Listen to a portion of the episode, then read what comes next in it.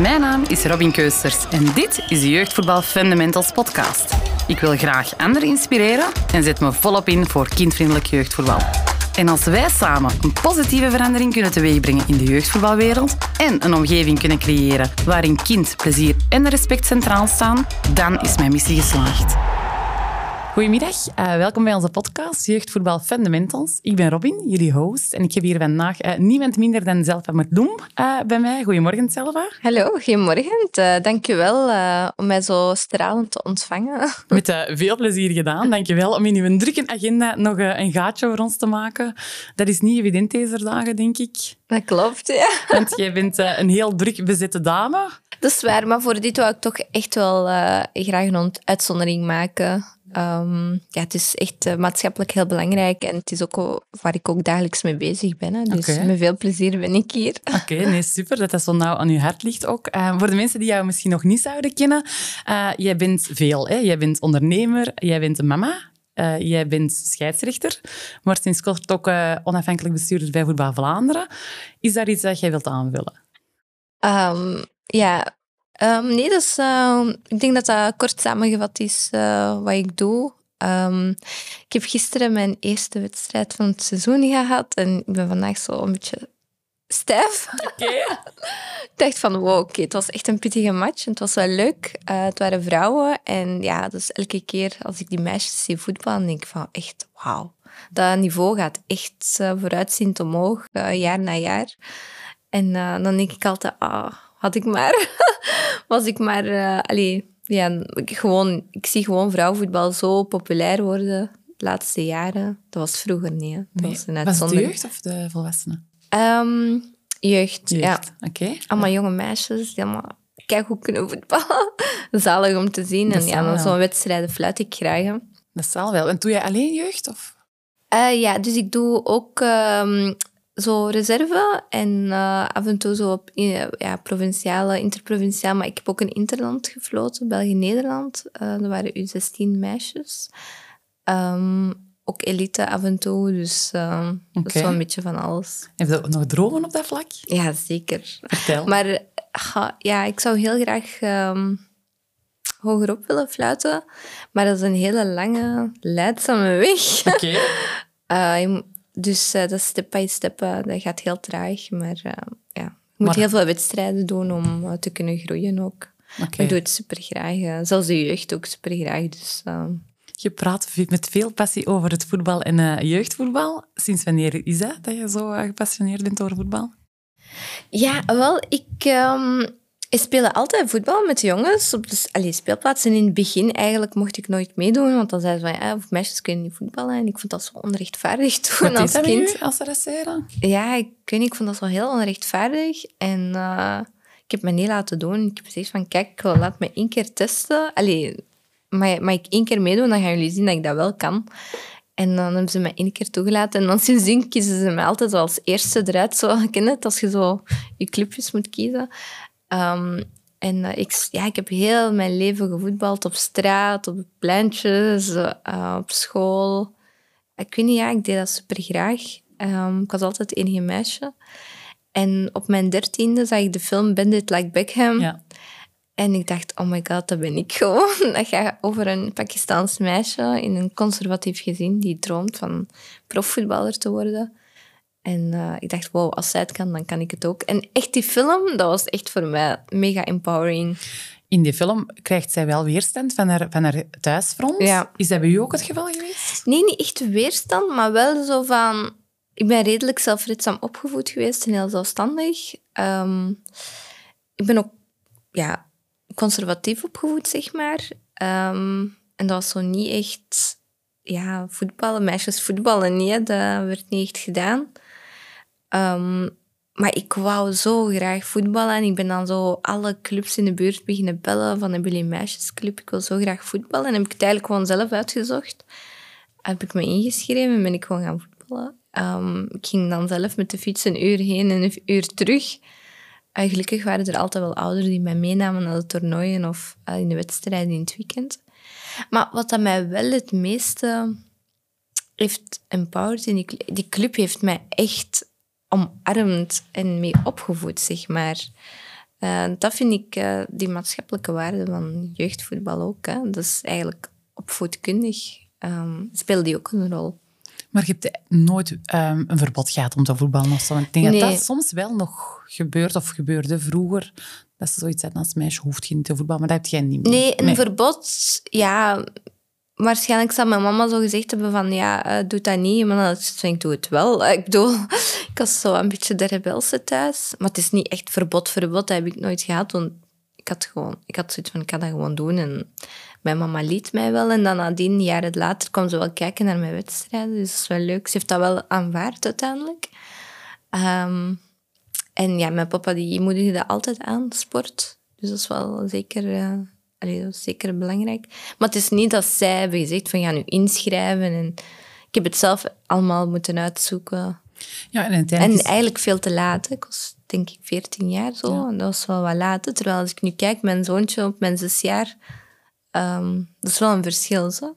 Dus eigenlijk de raad naar ouders om misschien toch uh, ja, kinderen te laten doen wat ze graag willen doen vanaf het begin. Ja, um, ik ben even aan het denken hoe dat met mijn zoontje was. Of dat hij er zelf naar vroeg. Uiteindelijk niet, denk ik. Ik denk dat ik hem zelf heb ingeschreven. Want ja, op vijf, zes jaar gaan ze daar nu niet zelf achter vragen. Um, maar zeker, ja, ouders hebben, spelen daar zeker een belangrijke rol in. Je zei er net al dat het toch wel gemaakt heeft, voetbal, tot wie dat je nu bent. Um, kunt je je leven voorstellen als voetbal geen deel uitmaakte van je leven? Wie had jij geweest vandaag dan? Ik zeg altijd, voetbal heeft mij empowered, het heeft mij vrijheid, onafhankelijkheid gegeven, maar heeft mij ook weerbaarder gemaakt. En mentaal weerbaarder, eh, zeker als scheidsrechter. Uh, ik heb daar heel veel veerkracht door opgebouwd. En ik denk niet dat ik de sterke zelf zou geweest zijn was ik, dan, allez, was ik toen uh, niet beginnen voetballen. Ik denk dat dat mij echt wel die sterke laag mij heeft gegeven. Oké. Okay. Zeg, en voetbal spelen was één ding. En op een gegeven moment heb je zoiets, ja, ik wil meer, ik wil anders. Hoe, hoe, bent jij met het scheidsrechter uh, gebeuren in contact gekomen? Ja, ik, uh, mijn trainer die zei op een gegeven moment van, ja, je hebt wel temperament om scheidsrechter te zijn. Er is een heel groot tekort en binnenkort zijn er examens. Hè, zou je niet willen meedoen?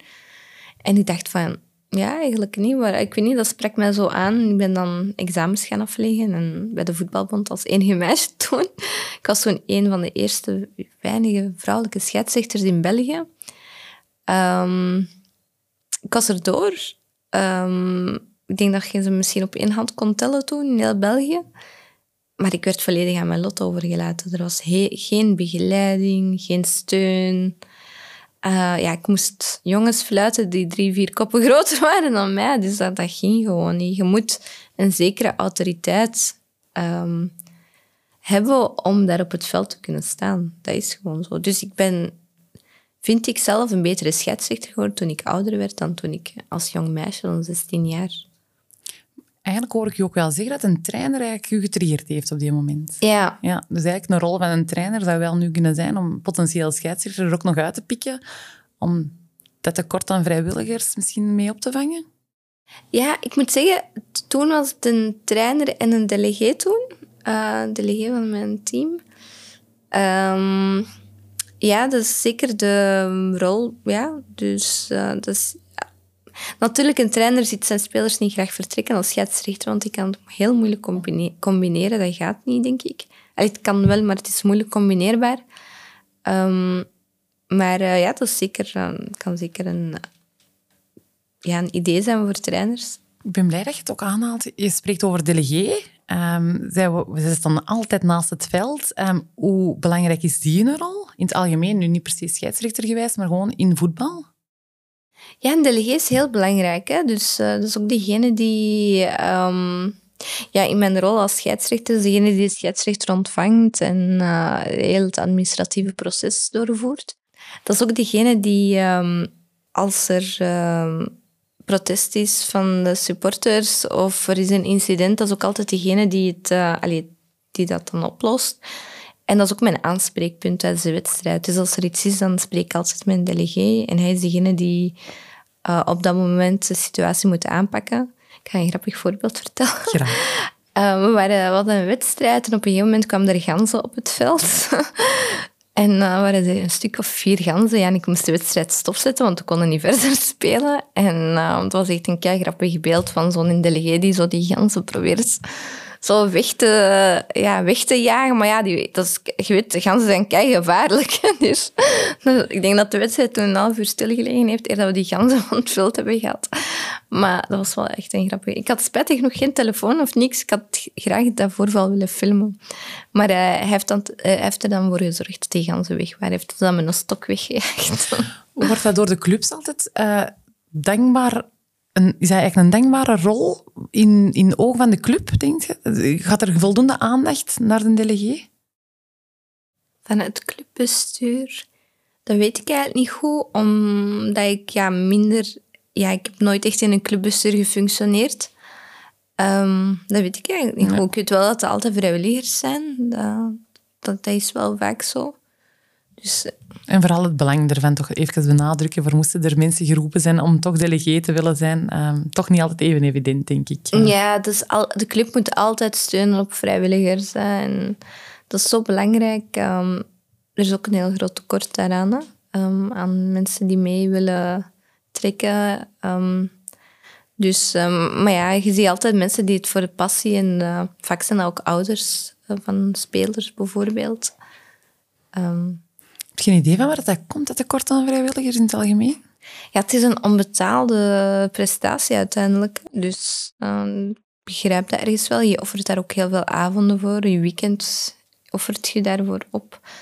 Uh, dus ja, ze moeten heel dankbaar zijn voor alle vrijwilligers. En inderdaad, ze moeten veel meer dankbaarheid en steun krijgen. Nu, naar de sfeer uh, op en naast het veld, uh, zou ik je toch wel ook een visie willen met. Je hebt je al heel veel gezien, neem ik aan. Ik had ganzen op het veld. Ja, ja, ja. Zie, zie je er, er is een evolutie? Naar, naar hoe lang doe je? Tien jaar nu meer? Dan ja, jaar? Zo, ik heb uh, ik denk zo in totaal tien. Maar ik ben wel vaak gestopt en terug begonnen. Hè. Dus... -huh. Ehm, zie je een evolutie van toen en nu? Ja, zeker. Oké, okay, vertel. Ja, ja. Nee, ik zeg het vroeger, um, nu met heel de hype rond vrouwenvoetbal uh -huh. en nu 2K, um, is er veel meer respect voor, vrouwelijke, voor vrouwenvoetbal. En vroeger werd er wat mee gelachen. Uh, nu is er veel meer respect. En als ze dan vrouwelijke scheidsrechters zien, er is veel meer respect. Ik zie echt een hele positieve evolutie. Ik maak weinig incidenten mee. Je luistert naar Jeugdvoetbal Fundamentals een positieve evolutie toch wel in het, uh, in het vrouw zijn uh, als scheidsrechter binnen. Ja, echt wel. Um, nu met heel de hype van alles rond vrouwenvoetbal is er veel meer respect voor vrouwenvoetbal in C. Ik bedoel, sportstad zijn nu het WK vrouwenvoetbal uit. Allee, wie had dat ooit gedacht dat, dat uh, nationale tv-zender dat zou doen? Dat was nooit vroeger. Um, dus er is meer respect, er is meer awareness, er is meer sensibilisering rond als vrouwensport te maken heeft. Um, en dus ook, er is ook meer respect voor een vrouw, vrouwelijke scheidsrechters. En je ziet er ook meer en meer ondertussen, gelukkig.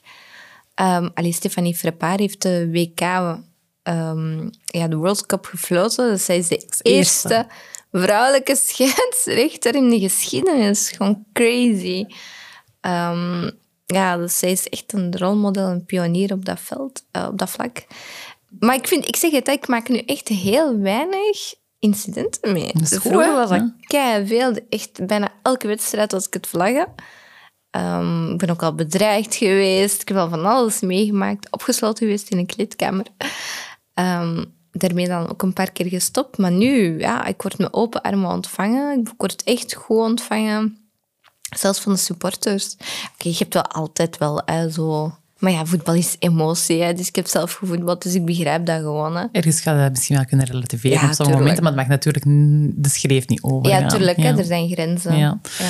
Je bent ook altijd terug begonnen met dat scheidsrechter. Je bent een paar keer gestopt. Wat maakt dat dan dat je toch terug begon? Ah, ik weet niet, ik vind dat zalig gewoon. ik hou van voetbal.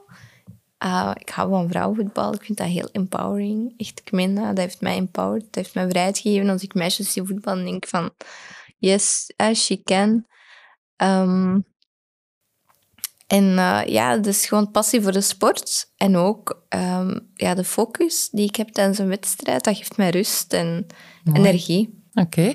Zeg, um, ja, ik sprak over de, de ja, sfeer op het veld en naast het veld naar u toe. Zie je evoluties naar de, um, ja, de, de band bijvoorbeeld met trainer en kind of trainer en um, een tegenspeler bijvoorbeeld? Ja, natuurlijk. En er zijn heel veel verschillen in. Er zijn ook heel veel verschillende kwaliteiten daarin. Dat zie ik ook wel. Als je naar een club gaat die minder... Ja, die laag staat in de rang, dan... Ja, wordt dat heel slecht gemanaged of heel slecht beheerd. Maar natuurlijk, ja, er is een financieel kaartje ook. Dus um, je kunt de clubs ook niet verwijten. Maar ik zal nooit vergeten dat ik één keer naar een, een um, wedstrijd was gegaan. En die trainer was die jongens echt aan het afbreken en aan het uitschelden. En zo van, ja, je bent een loser en je kunt het niet, je bakt er niks van. Ik vond dat zo chockerend dat een trainer zo spreekt met, zijn, met, met, die spelers. Terwijl dat een trainer juist een opvoedkundige functie heeft. Um, een belangrijke maatschappelijke rol. En ja, ik, was er zo slecht van dat ik het ja, niet kon inhouden van hem niet aan te spreken daarover. Um, en je zag dat ook aan die spelers, dat die daar wel echt uh, van afzagen. Dus dat is wel spijtig. Hoe reageerde de trainer toen dat je hem aansprak?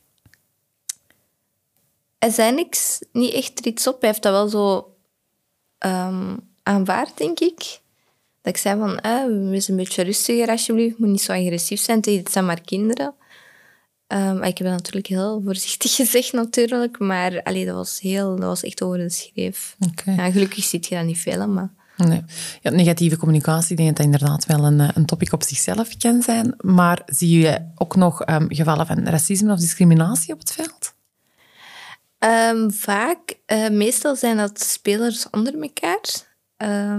die dan ja, van de tegenpartijen Um, maar als scheidsrechter kan je het dan sanctioneren met een kaart, een uitsluiting. Um, naar de trainer, naar de ouder, naar... Nee, nee, enkel naar spelers. spelers ja, trainers ook. Hè. Ah ja. Aan trainers kan jullie hebben die, die beslissingsbevoegdheid? Ja, dus als, train, eh, dus als scheidsrechter kan je de, in, dat in, in geval van discriminatie en racisme sanctioneren uh, tijdens, voor, tijdens en na de wedstrijd. Okay. Um, dus zowel spelers als trainers. Um, dus op dat vlak heeft een ref wel, ja, wel die autoriteit daarvoor. Um, maar natuurlijk, van supporters kan je niks doen. Dus um, dat is het nadeel hè, tijdens een wedstrijd. Je kan wel de delegé aanspreken en zeggen van kijk, supporters moeten rustig worden. Dan is het de taak van een delegé om dat te doen, om de supporters te kalmeren. Zou het in uw ogen een meerwaarde kunnen zijn dat jullie ook supporters zouden kunnen uitsluiten? Nee, absoluut niet.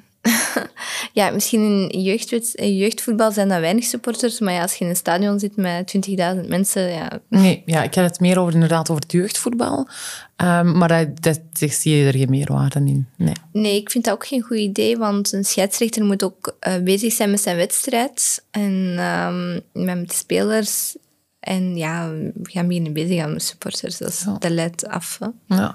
Welke impact heeft, hebben trainers op de sfeer van een match? Ja, zeker. Uh, ik heb af en toe... Ik heb zo eens een keer... Uh, ik ga de clip niet zeggen. het Antwerpse. Uh, is een keer een trainer gehad die heel hard op mij aan het roepen was. En ja, weet je, dat is gewoon een gele kaart, een waarschuwing. Als hij hem dan nog eens roept, krijgt hem rood, moet hem, vliegt hem van het veld. Hè. Dus... Um, op dat vlak heeft een, een scheidsrechter daar ook die, uh, ja, die, power. Ja, die power om inderdaad tot te sanctioneren. En dan meestal als ze een kaart krijgen, dan zijn ze wel rustig. Bepaalt een trainer um, mee het gedrag van de spelers op het veld, van de jeugdige spelers? Wat bedoel je met gedrag? Ja, de, de agressiviteit of non-agressiviteit, of, hoe um, gemakkelijker of hoe gemoedelijker dan een trainer met zijn spelers omgaat, hoe gemoedelijker op het veld? Of zie je er niet echt een... een ja, dat denk ik ook wel. Als je als een trainer elke spelfase betwist, dan gaan die spelers dat ook betwisten. En dat bepaalt ook de sfeer natuurlijk van de wedstrijd. Maar als een trainer zegt van ja, nee, nee, dat klopt, dat is fout, en dan gaan de spelers dat ook niet gaan betwisten. Um, dus dat is zeker, zeker um, het geval. Um, op vlak van fouten. En, uh... Ja. Oké. Nu, naar, um, vind je dat scheidsrechters voldoende kunnen beslissen? Of heb je er zoiets van, ja, het zou wel handig zijn als we meer beslissingsrecht hebben? Of, of vind je het goed hoe het is? Maar een scheidsrechter heeft alle beslissingsrecht tijdens een wedstrijd. hè. Je ziet dat ook, ehm, denk ik, tijdens Ja. de wedstrijd van je zoontje. Dat een scheidsrechter eh, ja, op zich alles wat gebeurt tijdens de wedstrijd op het veld, ehm, ja, heeft de scheidsrechter al allee, toch wel Veel te zeggen. ge- Eigenlijk ja, alles te zeggen. alles te zeggen, ja. Heb je tips naar jonge ehm, voetballende meisjes die eh, willen voetballen of die als scheidsrechter willen ehm, ambiëren? Ja, ik zeg het, hè, voetbal heeft mij empowered en vrijheid gegeven en mij sterker en weerbaarder gemaakt. Ik, ik, ik vind het echt een toffe sport. Ik zou het elk meisje willen aanraden. Natuurlijk, elke sport is goed. Ehm, laten we niet belemmeren door vooroordelen eh, of ja, clichés. Ehm, en als het niet mag van thuis, kom dan naar mij. Stuur me een berichtje. Ik zal er wel voor zorgen dat je kunt gaan voetballen.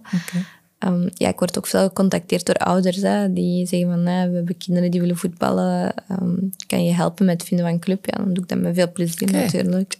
Oké, want sinds kort ben je eigenlijk ook actief bij Voetbal Vlaanderen. Ehm, wat is daar jouw missie? Ja, dus ze hebben... De, de Voetbal Vlaanderen was vooral, waren er vooral mannen eigenlijk in het bestuur. En dan hebben ze Imke Courtois, mij en Sophie Geert gevraagd als drie nieuwe onafhankelijke bestuurders. En ook ja, een beetje female power in dat bestuur. Ehm, dus dat is wel heel fijn om mee nu aan het beleid te staan. En ehm, ja, mijn missie is eigenlijk om de drempel om te gaan voetballen te verlagen. Ehm, enerzijds, omdat het nog altijd eigenlijk... Er zijn clubs die 500 euro vragen. En als je dan twee, allee, twee kinderen hebt die willen voetballen, dat is toch ook een serieuze hap uit budget aan het begin van het seizoen. Ehm, dat enerzijds. En ja, anderzijds natuurlijk vrouwenvoetbal. Ehm, daar wil ik ook zeker ehm, een rol in eh, bijdragen. En veel meer meisjes aan het voetballen krijgen. Gaat dat lukken, denk je, om eh, ja, meer meisjes aan het voetballen te krijgen? Ah, ja, dat denk ik wel, zeker. En nou, ik wil ook heel graag meer meisjes met migratieroutes bereiken en dat ze mij kunnen zien als een rolmodel. En dat, dat alles mogelijk is als je het wil. En eh, ja, ik, ik hoop dat echt. Ik hoop dat meer meisjes gaan voetballen. Als je er ehm, bij Voetbal Vlaanderen heel weinig, weinig vrouwen aan boord, denk je dat vrouwen een verschil kunnen maken in zo'n bestuursorgaan? Dat denk ik wel. Ehm, dat denk ik wel, want ehm, er is altijd een, een andere insteek. eh, hoe de, ik, ben even aan het denken of ik aan een voorbeeld kan denken, maar we zijn nu... Ik heb net mijn eerste vergadering achter de dus ik heb nog niet veel impact kunnen eh, hebben, maar zeker over vrouwenvoetbal. Ehm, er zijn verschillende visies hè, van... Bijvoorbeeld, wat er nu op tafel ligt van eh, jeugdvoetbal, gaan we mij een aparte meisjesreeks doen of laten we meisjes eh samen voetbal met jongens? Eh, dat is ook een, dat is een andere visie uiteindelijk. En bijvoorbeeld Imke Courtois, zij is van mening van ja, nee, zij zegt ik heb net beter leren voetbal door met jongens te voetballen. Hè. Zij heeft met Hazard en zo getraind ook. Ze zegt, daar heb ik dingen van geleerd. En wat denk jij erover? Ik weet het eigenlijk nog niet. Ik ben er nog niet aan uit. Want dat is zo het sporttechnische gedeelte eigenlijk. Maar dat zijn zo'n die elementen. Hè, die, ehm, dat zijn zo'n zaken die, ja, die besproken worden in dat bestuur. Hè. Want jij hebt altijd bij jongens gevoetbald of altijd bij meisjesclubs? Nee, altijd meisjesclubs. Oké. Ja. En heb je dat ooit als een voordeel of een nadeel gezien? Ik vraag me wel af, er is nu bijvoorbeeld in de club van mijn zoontje een- één meisje. Ik vraag me af, ehm, als je als enig meisje in een jongensclub, ehm, ik denk dat dat wel... dan voelt je je ook wel meer out of the box en meer uitgesloten, denk ik, dan als je in een meisjesclub zit waar dat echt die sisterhood eh, is. Dan denk ik dat je langer gemotiveerd gaat blijven. Dat denk ik persoonlijk. Maar eh, als het 50-50 is, is dat een andere zaak. Trouwens, er zijn sporten waarin dat gemixt is. Hè? Ja, mijn dochter korfbalt. En Ja. daar is dat effectief. Moet het 50-50 zijn? Moet. Dus, ja, Ah, moet. ja. Moet, moeten evenveel jongens op het veld staan als meisjes. Ja. Dus- Maar zie, voetbal kan daarvan leren. Hè? Ja, voilà, zo zie je maar. Kan naar eh, je korfbal ja, kijken. Ja, ja, voilà. Ehm, nee, ik, ehm, ja, ik denk eigenlijk dat we zo goed als alles besproken hebben. Heb jij zelf nog iets dat je zegt van ja, dat zou ik nu toch nog wel willen aanhalen ehm, ja, in deze podcast? En ik vind het echt gewoon fantastisch wat je doet. Uh, het is heel belangrijk. Uh, voetbal is echt de grootste sport uiteindelijk in de wereld. En je kan er miljoenen mensen mee bereiken. En kan voetbal als middel gebruiken om, uh, ja, om maatschappelijke verandering teweeg te brengen. Hè. Um, ja, ja, voetbal is deel van sociaal weefsel. Um, maar wat ik ook heel belangrijk vind, is dat voor mij gaat het niet enkel om meer meisjes aan het voetbal krijgen, maar gaat ook om voetbal in zijn geheel is male-dominated en om dat te gaan voor de vrouwelijke, maar in alle lagen van, van die wereld.